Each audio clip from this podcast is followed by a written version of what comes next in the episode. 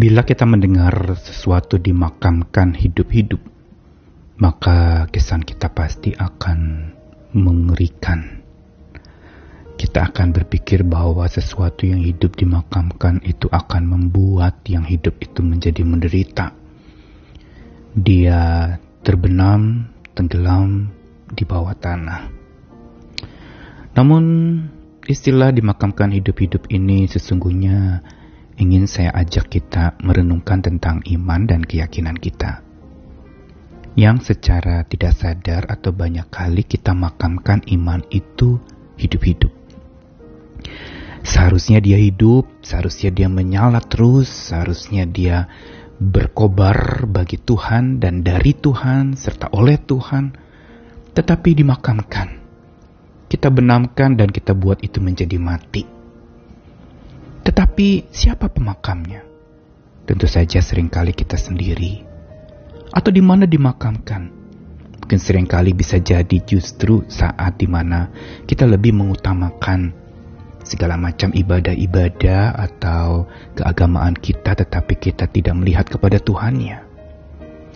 Atau kita makamkan iman kita, keyakinan kita itu hidup-hidup justru oleh kekhawatiran kita, keraguan, ketidakyakinan, ketidakpercayaan kita.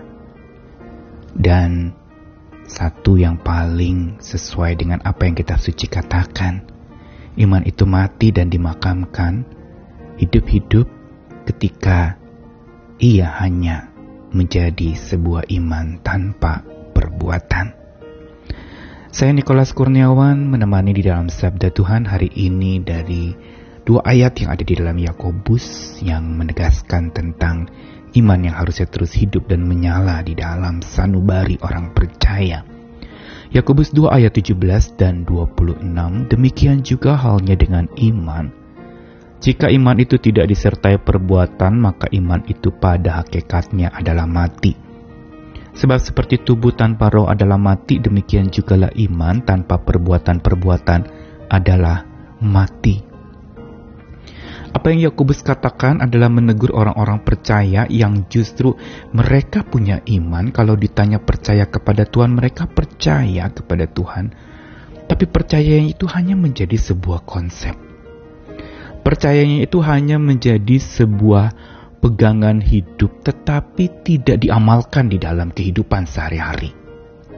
Atau percayanya itu hanya di dalam ritual-ritual peribadahan yang dilangsungkan dalam ritual-ritual penyembahan kepada Tuhan penuh emosi dengan perasaan memuji Tuhan dan berespon kepada firman Tuhan dengan menyala-nyala dan memberikan komitmen di hadapan Tuhan.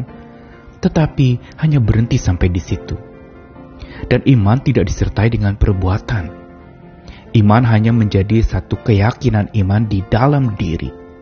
Seperti api dalam sekam dimakamkan dibungkus rapat-rapat dan demi kepentingan diri sendiri, bukan untuk dibagikan kepada orang lain. Karenanya ketika dikatakan dengan tegas sekali oleh Yakobus bahwa iman tanpa perbuatan hakikatnya mati, bahkan dua kali dikatakan gambaran seperti tubuh tanpa roh adalah mati, iman tanpa perbuatan adalah mati. Dengan kata lain, iman itu disetarakan dengan tubuh dan perbuatan itu menjadi roh yang menyebabkan iman menjadi hidup. Bila tubuh tanpa roh, dia hanya jasad, dia hanya mayat, dia hanya siap dimakamkan.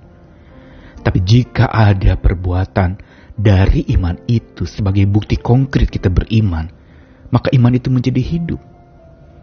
Karenanya di dalam kehidupan kita percaya kepada Tuhan, kita perlu ingat dan camkan di dalam hati bahwa keyakinan iman kita yang dimakamkan hidup-hidup oleh segala kekhawatiran kita, oleh segala ritual penyembahan ibadah kita, dan segala macam tradisi-tradisi atau upacara-upacara keagamaan yang kita lakukan, tetapi tidak menjalin relasi dengan Tuhan, maka iman itu hanya menjadi sebuah slogan semata. Tidak menghasilkan aksi, tidak ada juga bahkan reaksi kepada Tuhan yang berbuat banyak tetapi iman itu hanya dimakamkan di hati kita. Tidak membuat kita pergi berbuat. Iman yang menjadi seperti jalan di tempat saja. tidak membuat kita pergi berbuat sesuatu dari percaya kita itu.